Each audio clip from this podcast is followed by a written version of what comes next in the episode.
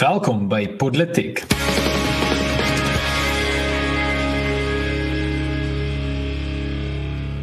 Reg, ek is uh, Ernst van Sail en saam met my atelier is Paul Maritz, Frederik van Dijk en Rainer Dievenage en in vandag se episode Trump wil weer vaar, Twitter trek swaar en Malema gedagvaar.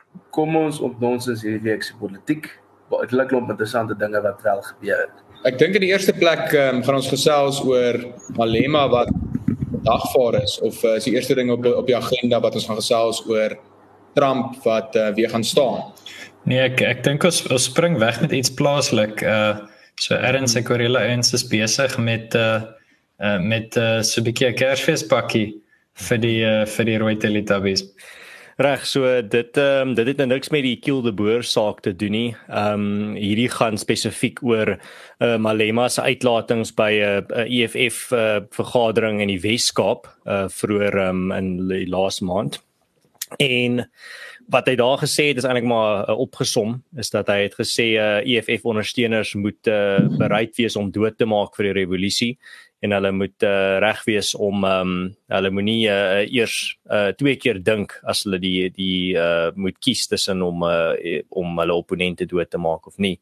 Ehm um, en sy uitlatings daarso was toe uh, gerapporteer aan die Suid-Afrikaanse Menseregte Kommissie uh, van Afriforum se kant af het ons 'n hele veldtog rondom dit gedryf en uh, die Suid-Afrikaanse Menseregte Kommissie het toe gereageer en gesê dat ehm um, wat Julius Malema daar kwyt geraak het uh, is uh, uh, uh blyk om om haatspraak te wees en uh, hulle gaan nou vir hom uh, as hy nie binne 10 dae jammer sê en sy uh, uitlatings terugtrek nie gaan hulle hom uh, gelykheidshof toe vat. Uh, Malema en die EFF het toe 'n uh, uh, media verklaring uitgereik waarin hulle gesê het uh, hulle gaan nie uh, sy uitlatings terugtrek nie en uh, dis nou waar's nou vandag sit waar die menseregte kommissie toe gesê het dat hulle gaan nou voortgaan om vir vir Julius Malema uh, hof toe te sleep. Nou ehm um, dis interessant wat uh, wat ons hierso sien want die menseregte kommissie het maar 'n uh, lou warm rekord word as dit kom by haatspraak uh, van sekere uh, politieke partye af. Uh, hierdie is 'n 'n kommissie um uh instelling wat daar in die verlede vir ehm um, tot uh, Julius Malema se redding gekom het in 'n haatspraak saak. So ehm um, of uh, oor met sake van haatspraak. So ons sal sien wat hierso gebeur. Uh, dit is ehm um, Afriforum gaan dit baie naby monitor, maar die hele die hele ding van uh, uh, sake soos hierdie is dat as Afriforum byvoorbeeld hierdie saak sou vat na 'n hoër hof of na uh, uh, selfs na na die buiteland toe, sal hulle eerste vraag altyd aan ons wees, maar het julle eers deur al die ander moontlike opsies gegaan en die eerste opsie daar is die Suid-Afrikaanse Menseregte Kommissie. So totaal het hulle ehm, 'n um, rekord wat maar uh, mense uh, nie te veel selfvertroue gee nie moet mens al die uh, opsies wat jy het eers gebruik voordat jy die um, die saak kan eskaleer. Ja, dankie Erns. Ek ek waardeer daai inleiding. Ek ek dink jy jy vat die jy vat die dinge raak. Dit is my bitterlik interessant dat daar hierdie fenomeen is. Uh, ek het onlangs het ek 'n Ricky Gervais special op Netflix gekyk en ek sal dit nou van toepassing maak op hierdie storie. As mens dit met 'n luisterfilter kyk, dan hoor jy nie baie wat hy sê nie, dis maar meestal stilte, maar ehm uh, die van die dele wat ek kon hoor is hy het gesê daar word verwag in moderne tye jy moenie afslaan nie met opslaan. So jy kan 'n grappie maak met mense wat soort van in 'n in 'n hoër posisie is. Jy kan lelik wees selfs. Dit hoef nie net komedie te wees nie. Jy kan goed sê teenoor mense wat nie sosiale oog in 'n sekere sin 'n beter posisie as jy is. Uh wat natuurlik absolute nonsens is, want as jy geweld of moord oproep teenoor enigiemand, dan is dit verkeerd. Irrelevant of jy in 'n derde wêreldland sit en jy sê dat 'n president van die eerste wêreldse land doodgemaak word, dis nog steeds nie regverdig. Jy weet, ek dink jou jou grense vryheid van spraak oorskry die skadebeginsel ten minste in my verstaan van die goeders. Nou wat ons hierso sien is tipies hierdie gedagte dat jy weet, ehm um, die wêreld is nou maar okay daarmee want Malema vat 'n uh, groep aan wat in jy weet dit word eintlik gesien as ag dis nie so erg nie. Hy is die slagoffer hierso, so hy's net besig om op te tree van uit die feit dat hy 'n slagoffer is. So uh, uh dit dit dit mag seker nou maar dis dis seker nou maar regverdig wat absolute nonsens is. So ek is baie dankbaar vir die feit dat daar 'n reaksie teenoor hierdie ehm um, gaan wees, wel dat daar 'n eerste reaksie is, maar dat dat daar verdere prosesse gaan wees. Jy weet mense hoop natuurlik dat Malema op 'n stadium besef dat hy homself net in moeilikheid gaan kry, maar die die hartseer punt is dat hy soveel aandag kry, soveel gratis publisiteit kry en ongelukkig dat ek dink heelwat ehm um, van heelwat van sy kiesersbasis hou van die tipe goed wat hy sê. So dit is hartseer, maar alle sterkte toegewens vir al die partye wat betrokke is hierby. Hmm. Ja, Paul, om daarby te voeg, ek voel wat hierdie wel vir my wys is en ek wil 'n breër punt maak en dit is dat Malema uiters uiters desperaat raak want dit dit dit wil so voorkom dat hy baie aandag in die media geniet en dit is so maar hierdie tipe verskriklike radikale idees en hierdie belaglike uitlatings wat volgens die menseregte kommissie haatspraak uitmaak dit dit wys maar net dit is iemand wat totaal en al uiteindelik hy's verskriklik bang dat hy nie gaan dat hy nie gaan presteer soos wat hy wil presteer in die volgende verkiesing nie. En dit dui vir my regtig op desperaatheid dat Malema steeds voorgaan met met met met hierdie met hierdie uitlatings van hom. En eintlik al, al aan wie dit gaan regtig dit gaan eintlik net sy klein radikale groep mense eintlik uh kom ons sê dit, dit gaan net aanklank vind by die EFF ondersteuners wat 10 tot 12% van die land se bevolking is. En ek kan regtig nie sien nie. Dis 'n belangrike ding wat mense moet besef. Maak nie saak hoeveel hoeveel media dekking Malema kry nie. Dit bly 'n radikale randparty in die Suid-Afrikaanse politieke landskap. Ja, nee, julle moet uh, my stem asseblief verskoon. Ek sit met 'n bietjie van 'n bronchitis, so elke nou en dan dan duik my stem en klink ek soos 'n dive bomber in die Tweede Wêreldoorlog, maar nietemin ehm um, ja, daar voel ek hom byvoorbeeld nou net. Ja, ek dink uh, ek het vandag toevallig 'n interessante ding ek het op 'n stadium met julle gedeel um, die Suid-Afrikaanse um, Jewish Board of Deputies of Joodse Raad van Afgevaardigdes het ook 'n uh, soortgelyke stryd as die Afrikaanse gemeenskap gevoer rondom haatspraak teen 'n uh, persoon wat haatlike goed gesê het oor ehm um, die Suid-Afrikaanse Jodendom ehm um, ook maar eintlik die, die, die Jodendom oor die wêreld heen. Ehm um, dit was nou spesifiek in daai tyd, ek dink dis die daai die, hoeveelste Gaza versus Israel oorlog nou al weer aan was en hulle het 'n video bekend gestel van hulle pogings om 'n uh, ene meneer Masuku verantwoordbaar te hou vir die gelykheidshof ehm um, vir haatspraak. En dit is interessant wat daai uitgekom het. Ek hoop nogals die menseregte kommissie en ook Afriforum se se se argumente betrek dit en dit is die uh dit is dit is die bevinding in daai uitspraak teen Masuku uh dat mense kan wegkruip agter jy weet hierdie foptaal van jy weet ek het net ek, sê iets metafories of ek sê iets op so of so 'n manier nie. Ehm um, as die ingesteldheid een is van van ek wil haat spraak pleeg, dan is dit die einde van die storie. Daar's nie van ehm um, ek praat in metaforiese taal of dis hierdie maskataal wat ek kan gebruik om weg te kom en dit laat lyk asof ek net 'n abstrakte politieke kwessie aanvat nie. En daai het wel uh ek uh, advokaat Wim Tengrove SC sê dit baie mooi in daai video wat ek van die SAJBD gekyk het waar hulle sê maar jy weet die die hof het, het, het uitgewys dat hierdie soort wegkruip agter abstraksies nie kan werk wanneer dit kom by aardspraak uh en die beoordeling daarvan in 'n hof nie. So dit is nogals interessant. Ek hoop dit vind deurslag in verdere pogings om haatspraak te beveg. Ehm um, en ja, ek moet wel sê Paul is slegs dit ek ek ek ek dink wat jy daar genoem het rondom die punching down, punching up beginsel. Ehm um, die mate waartoe dit uitgebrei word. Ek, ek kan nog ons insien dat 'n ou sê jy moenie ehm um, jy weet die die armstes en die weerbaarstes net gaan meer spot sodat jy kan minslaan daar uit. En ek dink dit sal strook met meeste van ons se beginsels ehm um, maar ek kan amper glad nie dink dat dit regverdigbaar is dat jy moord en doodslag en ontneming preek selfs by mense wat op een of ander metafisiese relatiewe manier magtiger is as jy nie. Ehm um, ek dink daai soort politiek steek mense steek definitief oor op kop uit en dit is dit is so ontsettend ongenuanceerd en so ontsettend arbitrair. Jy weet wanneer is iemand nou relatief magtiger as jy? So ja, ek dink stem saam met jou daar ehm um, ek ek ek, ek sien nie hoe so 'n benadering, so 'n veralgemenende benadering uh gaan werk as dit by raadspraak en die beoordeling daarvan uitkom nie. Hmm. Ja, ek dink laastens ek wil sommer net hier van ons luisteraars se se vrae antwoord. Ehm um, voor ons oorskakel na die volgende storie toe. Uh hier's een vraag wat vra: Hoekom vat niemand Malema aan oor wat hy van wit Afrikaanse mans op daardie selfde vergadering gesê het nie? Ehm um, ja, dis 'n uh, die eenvoudige antwoord daar is is dat daar word baie vieslike goed vanaf die EFF gesê en dit gaan maar hofsaake is duur en om om hofsaake te doen moet jy die die hofsaake aanvat op die spraak wat die die sterkste saak vir jou gaan gee. En hierdie in hierdie geval is dit haatspraak waar daar moet 'n element van ehm um, van aanhitsing tot geweld wees om net 'n ras te stereotipeer is vieslik en dit moet uitgewys word maar daar's 'n baie swakker saak daarso. Ehm um, so as uh, dit gaan maar ook oor oor hulpbronne en waar jy jou fokus moet sit gebaseer op jou hulpbronne wat jy het. Ehm um, daar was 'n ander vraag ook hierso uh, wat vra uh, is die Nazi party 'n randparty? 'n uh, Eerlike vraag. Ehm um, ja, dit die die ding van die Nazi party was dat hulle was 'n randparty uh, aan die begin. So jy kan nie 'n party net afskryf as 'n uh, randparty uh, dat hulle glad nie 'n gevaar is nie. Mens moet kyk na ehm um, waarvoor staan hulle en hoeveel invloed het hulle in die EFF en in Julius Malema het verskriklike baie invloed in Suid-Afrika. Dit is iets wat dit is 'n realiteit. So uh, daar's definitief nie enige uh, meriete reg in die uh, in die voorstel dat ag ons maar net vir hulle ignoreer en dan gaan hulle verdwyn nie. Dit gaan absoluut nie gebeur in jy leef in 'n naïewe wêreld as jy dink dit is hoe dit gaan werk. Julius Malema het uh, miljoene volgers op sosiale media.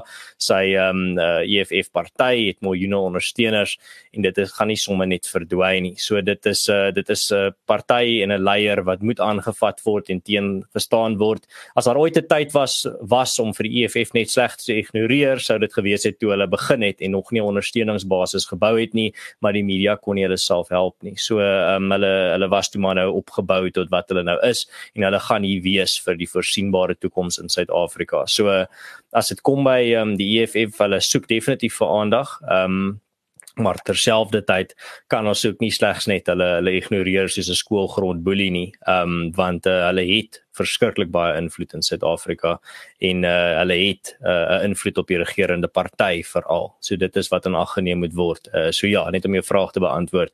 Ehm um, ja, net omdat 'n party 'n uh, uh, dis wat ek nou uh, sien jy impliseer met jou vraag is ja, net omdat 'n party 'n randparty is, beteken nie hy moet net geïgnoreer word nie. Ehm um, dis absoluut waar. Ons sien in die geskiedenis uh, baie voor uh voorbeelde daarvan.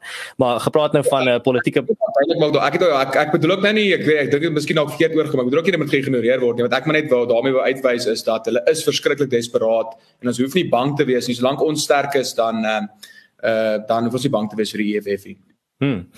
Alright, uh gepraat van 'n uh, politieke partye in Suid-Afrika, daar's 'n paar groot uh, ontwikkelinge in die wêreld van uh partytetiek in Amerika ook. En uh ek dink uh, Paul, het jy hierdie storie vir jouself geïdentifiseer as wat jy vir ons wil inlei? Ja, ja, ek ek weet nie of ek hom geïdentifiseer het en of hy na my toe gekom het nie, maar ek ek neem verantwoordelikheid, Kerels. Okay, ehm um, goed, so ek was praat 'n bietjie oor die die Amerikaanse interim verkiesing. Dit het natuurlik verlede week het ons al so 'n bietjie daaroor berig, maar die die resultate neem nogal se rukkie om in te kom. Ehm um, ons ons het gesien van uh spesifiek kom ons praat bietjie oor resultate. Die Senaat wat 100 setels het, uh het die Demokrate alreeds 50 verseker en die Republikeine 49. Daar's een in Georgia wat ek wil nie sê Georgia of Georgia wat dit verwar mense dalk in Georgia wat op 6 Desember heel moontlik 'n volgende ronde verkiesing gaan hê. Uh die Republikeine sal hier redelik ongelukkig wees. Ek dink projeksies voor die tyd het gesê hulle behoort die Senaat te vat. Ehm um, en plekke soos Pennsylvania en Arizona en so aan het hulle setels nie gekry nie wat mense sou dink hulle moes kry. In terme van die huis kort ten minste 218 setels om die huis te bestuur. Die Republikeine het tans 217. Uh so hulle kort net nog een en dit lyk of hulle daai setel enige tyd nou sal kry. So hulle behoort die huis ten minste oor te neem. So Nancy Pelosi se tyd as speaker is so 'n bietjie verby. Nou ja, Marula Media het deur 'n Jaco Kleinhans artikel verlede week gesê daar gaan dalk 'n rooi tsunami kom of ek bedoel 2 weke terug en en dit het uiteindelik nie gebeur nie en ek dink van Marula Media se kant af en en heelwat ander media huise was daar goeie analise vir waarom dit nie gebeur het nie. Dit kom voor asof mense vorentoe wil kyk. Wat ek daarmee bedoel en ek verstaan dis 'n moeilike kwessie en ons het politiek luisteraars aan alle kante van die kwessie, dit verstaan ek. Maar dit kom voor asof jong Amerikaners veral nie noodwendig lus is vir kandidate wat net die hele tyd daaroor praat dat 2020 se verkiesing gesteel is nie. Daar's heelwat mense wat dink daar was bedrog, maar mense wat uh wat nie noodwendig voel ons behoort die hele tyd daarop te fokus as Amerikaners nie wat vorentoe wil kyk. So dit lyk asof kandidaate wat 'n uh, ekonomiese plan gehad het, 'n reddingsplan gehad het en belasting wou sny en so aan, hulle het beter gedoen. Kandidaate wat baie sterk gesê die verkiesing is gesteel en ons moet daarna kyk en so aan, het het as mens 'n patroon soek nie noodwendig so goed gedoen nie, maar daar's natuurlik heelwat ander uh probleme ook. Ek dink byvoorbeeld Mehmet Oz wat een van die Republikeinse uh, kandidate was, is so openlik nie 'n konservatiewe denker nie en uh die feit dat hy eintlik van van Trump af ondersteuning gekry het of dan 'n endorsement soos wat hulle dit noem, uh was myns insiens nie noodwendig die wysste ding nie. Mehmet Oz tot 5 jaar terug baie radikale demokratiese posisies gehou. So dis maar een voorbeeld, daar's daar's wel heelwat ander. Nou ja, dit gesê, is die groot gebeurtenis Amerikaanse politiek natuurlik dit wat direk daarop gevolg het en dit was die bekendstelling van president Donald Trump vroeg vanoggend Suid-Afrikaanse tyd dat hy vir vir 'n derde keer gaan staan om president van Amerika te wees. Dit was natuurlik suksesvol in 2016 en onsuksesvol in 2020. Ehm um, nou sy bekendstelling, dit was 'n kort video, mens kan dit gerus gaan kyk. Wel, hy het ruk gepraat, maar ons kort opsomming daarvan. Sy woorde is ons het te maak met die mees korrupte magte denkbaar en om dit aan te spreek is nie 'n taak vir 'n konvensionele politikus nie. Dis 'n taak vir 'n beweging. So lei hy dit in en dan sê hy ehm um, hoe hy dit dan nou natuurlik gaan doen en wat die pad vir hom vorentoe is. Die rede waarom hy sê dis nie 'n werk vir 'n konvensionele politikus nie is natuurlik omdat hy 'n uh, kan kom ons sê veldtog teen Ron DeSantis sien as moontlike uh, opponent vir die Republikeinse kandidaatskap. Nou wil ek twee goed sê. Ek dink ten eerste om president van die FSA te gewees het en dan te sê jy is nie 'n konvensionele politikus nie. Ek weet nie of ek dit noodwendig koop nie. Ek dink nie daai lyn is so sterk soos in 2016 nie. Hy was nou aan die binnekant en hy hy weet dalk uh, heelwat meer. Maar goed, as as dit sy benadering vir volgende 2 jaar gaan wees met 'n meester dalk net in ag neem. Die ander ding is ek vermoed hy gaan baie sterker oppositie van DeSantis af kry as wat hy in 2016 gekry het van Ted Cruz af vir die Republikeinse kandidaatskap. Daar's heelwat mense wat sterk Trump ondersteuners was in 2020 vir 'n tweede termyn wat dit nie noodwendig meer is nie. Daar kyk ek spesifiek na die ouens van Daily Wire. Ehm um, en hulle het natuurlik 'n invloed in Amerika. Maar mense sal kyk wat gebeur. Ehm um, ek ek self dink 'n mens dis heeltemal te vroeg om om daaroor 'n mening te hê. Mens sal eers moet kyk wat gebeur en hoe die meningspeilings lyk, maar ek wonder tog of DeSantis nie vir mense baie van die Trump voordele gee sonder om noodwendig vir jou so 'n bietjie van die Trump ongemak te gee nie. Maar dis 'n persoonlike mening en ek hoor baie graag wat julle ouens uh, daaroor te sê het. Ja, Paul, um, ek dink uh, ek gaan 'n bietjie 'n uh, flibuise gunsteling woord hierso gebruik en ek dink dit is dat uh, wat ons gesien het in die afgelope verkiesing is maar die demografie wat bietjie opvang met die uh, Republikeine in Amerika. En dit is glad nie 'n omstrede punt nie. Jy kan maar net gaan kyk na hoe verskillend ek praat nie net van rasse demografie nie, hoe kulturele demografie, um, uh, uh, uh, landelik teenoor verstedelike demografie ehm um, die demografie tussen uh, manlike en vroulike stemmers, uh, demografie verskille tussen um, getroude en ongetroude stemmers, daar's baie duidelike verskille. Waar byvoorbeeld die hoeveelheid ongetroude ehm um, Amerikaners radikaal meer vir die demokrate gestem het as republikeine, nie net by 'n klein bietjie, by baie baie. Dis 'n demografiese skuif wat onlangs gebeur het. Die hoeveelheid Amerikaners wat uh, ongetroud is in 'n ouer en ouer stadium of geskei is. Ehm um, ander voorbeeld is uh, die die uh, ouderdomsdemografie waar uh, ons generasie genera generasie Z ongelooflik sterk vir die demokrate gestem het in vergelyking met ander generasies. Ehm um, selfs rassedemografie kan jy duidelik 'n skeidslyn sien waar hierdie is ook soos ek sê, hierdie is nie omstrede punt nie, jy kan na die statistieke gaan kyk. Swart Amerikaners stem oorweldigend vir die demokrate. Ek dink amper op 93% staan hulle persentasie van hoe hulle stem vir demokrate. Ehm um, by 'n uh, ehm um, uh, uh Latyns-Amerikaanse uh Amerikaners staan dit bietjie by ek dink so 40-60 vir die demokrate en dan by wit Amerikaners staan dit by ek dink uh so 70-30 vir uh, of uh, 65 uh, 35 daar rond vir die republikeine. Ehm um, so hierdie is demografiese realiteite. Hierdie Amerika het in die afgelope paar dekades radikaal demografies verander soos ek sê op verskillende velde en daai demografiese skuwe dink ek is nou besig om hulle politiek uh ewig ewiglik te te beïnvloed.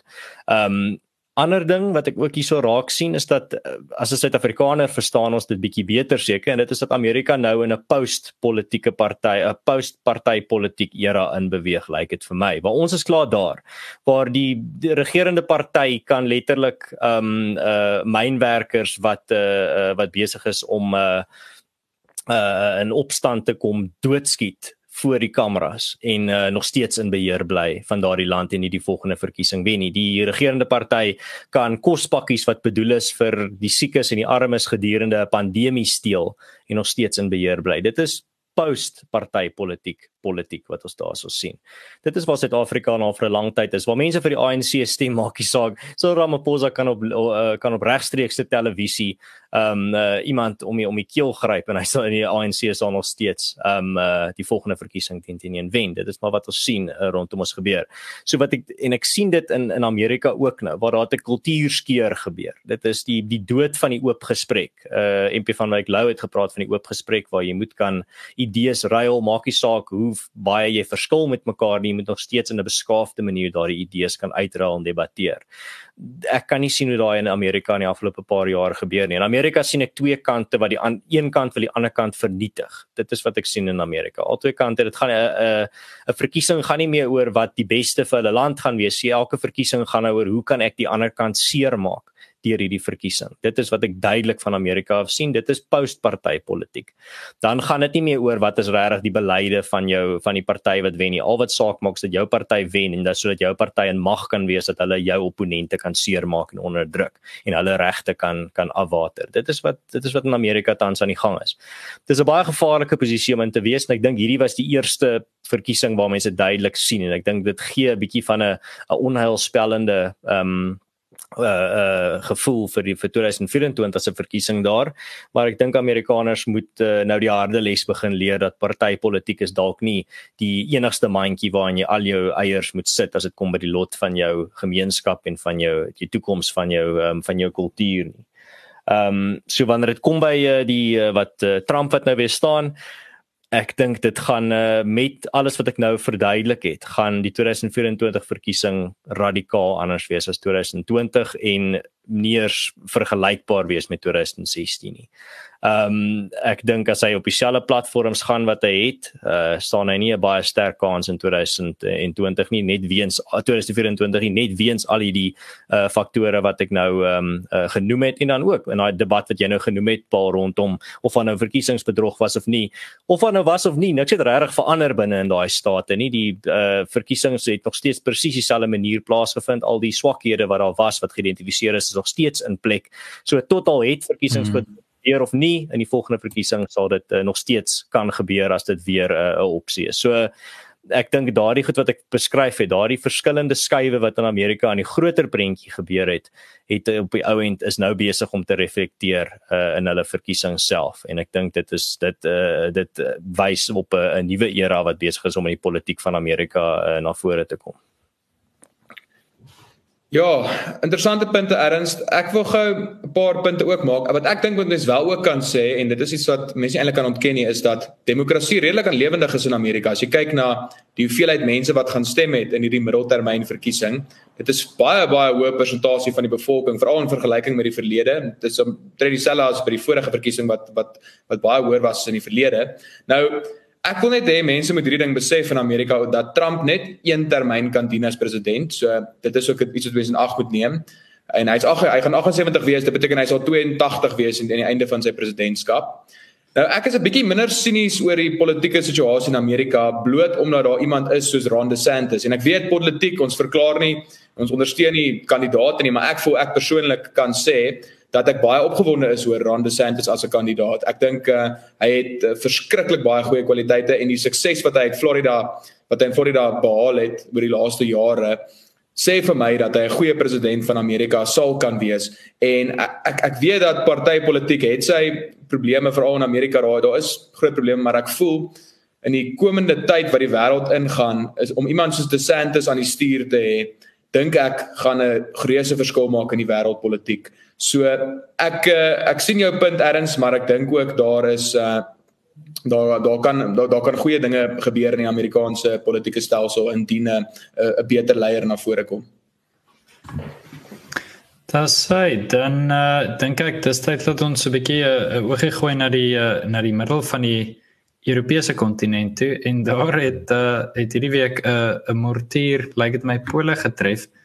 Uh Rainer, wie van so 'n bietjie vertel wat daar gebeur het? Ja, ons is nou so direk van die Amerikaanse verkiesing na iets wat gisterand baie mense verskriklik bekommerd gemaak het. Ek het 'n paar memes op die internet gesien van hoekom kom die son nou ewe skielik half uh, 12 die aand op. Jy weet, sulke tipe baie donker memes, maar dit het 'n paar mense baie bekommerd gemaak want uh hoe dit nou gebleik het was dat dit 'n uh, eh, Oekraïense missiel is wat wat gelanseer is en wat toe per ongeluk geland het in Pole.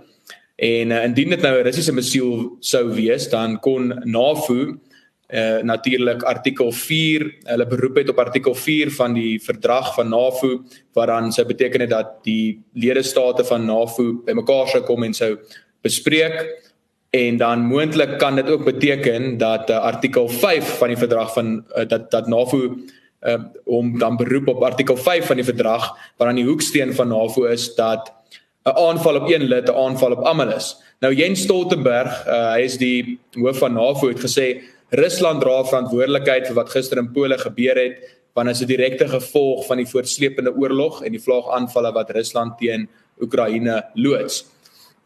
Nou dit gee vir mense 'n bietjie agtergrond van die van hierdie van hierdie groot gebeurtenis eintlik gister en dit is die eerste keer wat die wat die oorlog oorgespoel het na 'n NAVO land toe en dit is nou wel per ongeluk en dit is nou wel dit was nou as gevolg van 'n fout deur die Oekraïense lug uh, lugverdediging wat probeer het om 'n Russiese missiel af te skiet en dit het toe geval in Pole.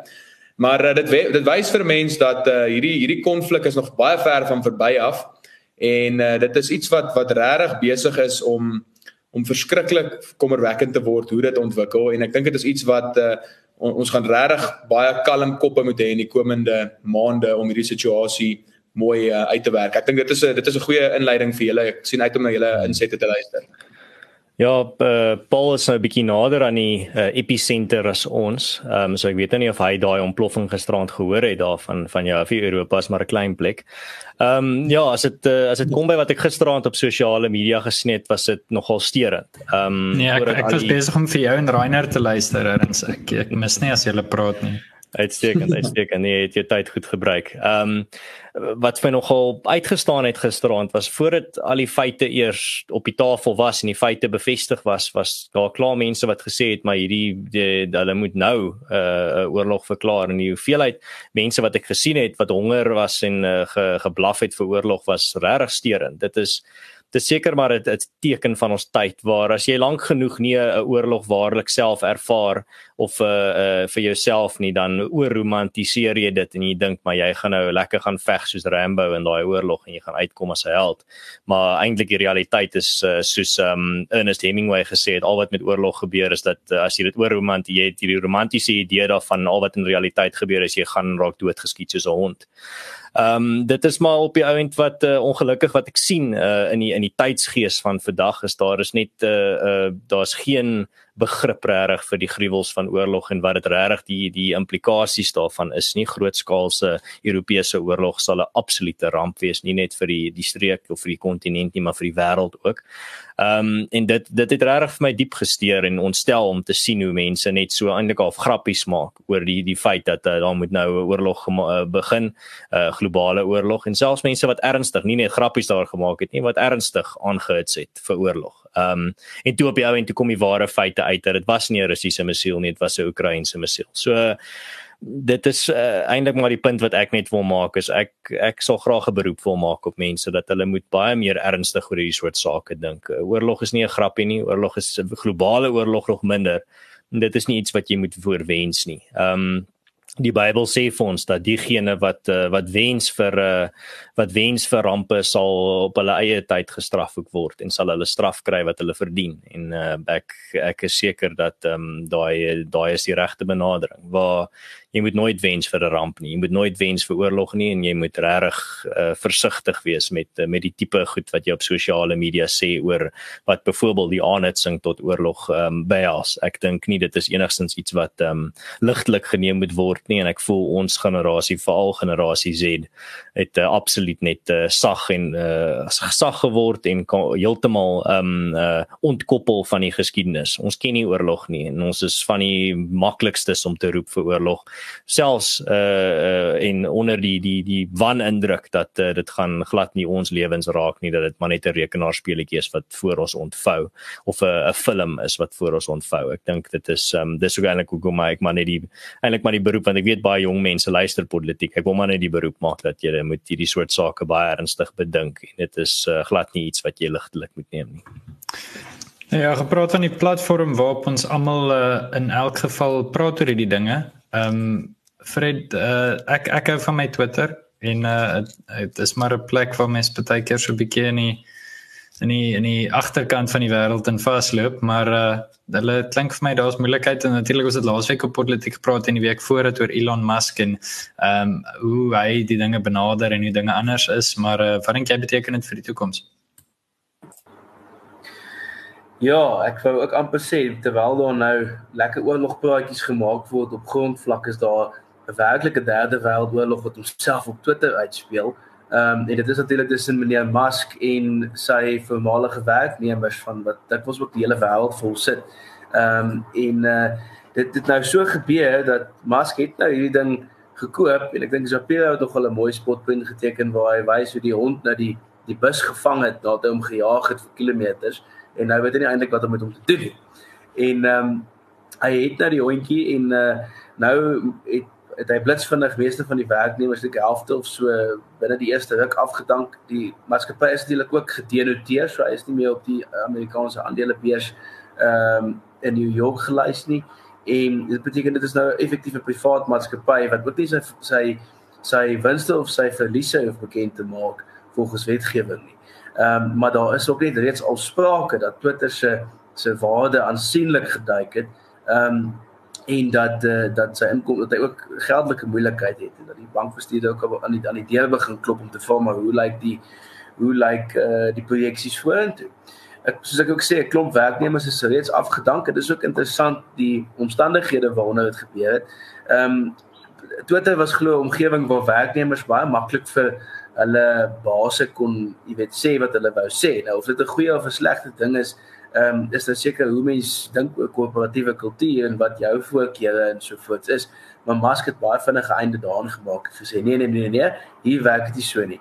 As jy nie wil saamstem met die rigting wat die maatskappy gaan onder sy onder hy wat Musk se se leier nie, dan moet jy maar jou goed vat en waai. En dit was my eintlik nogals oulik hoe dit gesê het. Hy het basies gesê, ehm um, jy kan kies jy kan of nou jou goed vat en loop en 'n severance package vat of jy moet jy kan aanbly en jy kan ehm um, uiters hard werk vir geweldige moeilike ure vir die volgende ruk want die van Twitter het geweldige insette nodig. Hy hy noem dit jy weet hy soos, hy, hy praat van soos hectic insette of hectic inputs that are needed. Praat hy nou van op op op die nuuskanale.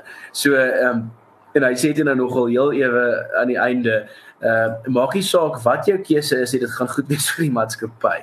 So of jy nou jou ry vat met pakket en of jy nou uh of jy nou aanbly en uiters lang ure werk wat waarskynlik um die arbeidswetgewing so bietjie uh die die grense daarvan toets dit is nie ter sake nie hy's gelukkig enige kant toe. So ja, dit is nou so interessant is om te sien waar hy gaan. Ek het op die radio gehoor vanoggend hulle sê baie mense kies koers na ander sosiale webblaaie toe soos byvoorbeeld Mastodon, ek dink daar's twee ander. Ek ken nie regtig goed nie. Ek is nie self 'n Twitter ehm um, rondhangertjie nie. So ek eh, ek ek dink ek is dalk die mees objektiewe een om hierdie hele speech af te steek. En ehm um, laastens uh is dit dalk myns is dit die slegste ding as 'n platform soos Twitter op 'n manier uitmekaar uitspat nie. Dit het so al die slagpale van die rede geword. Jy weet daar was jy het, jy het min karakters om enigiets te sê en dis baie keer nodig om 'n bietjie van 'n langer relaas te skryf om 'n uh, genuanceerde punt te maak. Ehm um, en en dit het, het miskien dit mense aanvanklik bedoel dat die kort stukkies wat jy op Twitter kan plaas die doel het om uh jy weet jou punt so so kort as moontlik te maak en dit dit miskien op daai manier 'n goeie ding was. Maar dit is baie gou in in 'n eenvoudige modder swaaiery ontaard. Dis net 'n modderbad van die waar waar die slegste van mense na vore kom en waar daar nie eintlik 'n oop gesprek kan plaasvind ehm um, wat uh, ek dink enigstens sinvol en redelik is nie. Ehm um, uh, so ja, ek weet nie wat julle ouens daarvan dink nie, maar ek moet sê my ek is nie te te gekwel oor die feit dat Twitter swaar kry nie. Ja, dis dis my interessant hier. Ek het Musk nogal dopgehou soos wat hy deur sy eie denkprosesse op Twitter gegaan het en natuurlik hy's baie strategies. So hy sou jy weet alles deurdink voordat hy iets gesê het. Maar hy het op 'n stadium 'n plasing gemaak waar hy gesê het dat die rede hoekom Donald Trump se privaat sosiale media ding nie gewerk het nie is want Twitter het net dit is so gemaklik, dit is so gerieflik. Um, almal ken dit, dit het so sterk van 'n naam dat dit onmoontlik is amper jy weet dis daai van jy jy moet nie noodwendig die eerste wees nie, jy moet die tweede een wees. Jy weet so jy um, dit was nie MySpace nie, maar dit was Facebook wat absoluut die wêreld oorgevat het vir 'n lang tyd. En jy weet so in 'n sekere sin Twitter is daai ding wat almal nou aan vasgeklou het en wat wat baie moeilik gaan wees om te vervang. Meeste van die kritiek wat ons op Musk het, is op Twitter geplaas. Ehm um, dan moet 'n mens ook in ag neem na die ander kant toe Musk het nie noodwendig altyd almal is geneig om sy suksesse te vier. Maar SpaceX was baie amper bankrot geweest as NASA hulle nie uitgehelp het nie. Ehm um, daar was heelwat probleme geweest byvoorbeeld met PayPal en in sy boek skryf hy hoe hy dikwels deur sy eie familie en vriende ehm um, uit bestuurende posisies uitgedruk is by sy maatskappye want hulle het net gevoel of die tempo wat hy handhaaf is nie volhoubaar nie of sy visie is nie noodwendig realisties nie of sulke goeders. Dit alles gesê Ehm um, weet ek ek ken die droogredenasie dat iets te groot is om te misluk en ek ek dink hulle hulle sal dit nie noodwendig so sien nie. Ek sal nie noodwendig 'n probleem hê om 'n klein en dit sal 'n klein fooi moet wees, maar om 'n klein fooi te betaal ehm um, jy weet vir bepaalde addisionele groot voordele nie soos wat mense betaal vir Netflix of vir Amazon of wat ook al maar dit het nou weer die gevolg dat jy dan in massas mense gaan laat afval. So ek weet nie noodwendig of dit van sy kant af die beste idee is nie. Ehm um, ek dink advertensies soos wat die huidige model is is maar waar die geld lê. Maar dan wil ek ook sê ek het nooit die idee gekry dat Musk hierdie doen net vir finansiële redes nie. Ek het die idee gekry dat hy voel in die 21ste eeu kort ons 'n uh, openbare platform, ons korte stadsplein en hierdie ding is dit of ons daarvan hou of nie. Uh so dit sal vir my hartseer wees as dit val vir die eenvoudige rede dat ek nie weet waarmee daai gesprekke kan voer nie. Ek kan nie op Facebook sê wat ek op Twitter sê nie want my graad 7 Afrikaanse vrou volg my en sy stel nie belang nie of dit gaan haar bang maak. Um jy weet of jy weet dit so die die tipe skare wat jy volg op Twitter is anders, maar mense weet as jy inklim klim jy in 'n mate in 'n boksring in en mense kan vir jou in 'n mate sê wat hulle wil en en dis goed. So baie keer plaas jy iets en jy besef okay ek moet hierdie verwyder want ek was simpel of jy plaas iets en mense vat jou aan en jy verdedig jouself. En ek dink dit is wat die Sokratiese stadsplein was. Uh dit was nie 'n lekker plek nie, maar dit was 'n plek waar idees geskaaf is en en gevorm is tot skerp skalpel instrumente. So nou ja, ehm um, dis 'n 'n baie breë en en en soort van ek weet nie noodwendig of my of my kommentaar veel help nie, maar kom ons kyk wat gebeur. Ek dink hierdie is 'n deurlopende gesprek.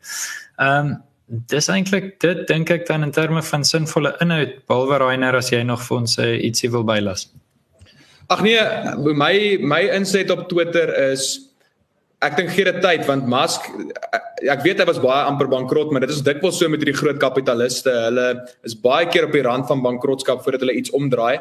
En ek dink Elon hy het hy het planne en hy het al van tevore be, groot besighede in nog meer winsgewende besighede uh, omgedraai. So ons gaan moet sien hoe hierdie ding um, hoe dit alles uitspeel. En ek dink Musk kan dit doen maar ek dink ook hy het nogal baie hy het amper ek dink hy het nogal baie afgebyt en ons ons kan sien of hy dit gaan kan kou Maar ja, om op daai noot af te sluit, uh soos 'n uh, 5-ster middagetes vir Twitter werknemers is hierdie episode ook vereers verby. As jy hou van wat ons doen, teken gerus in op Politiek op YouTube.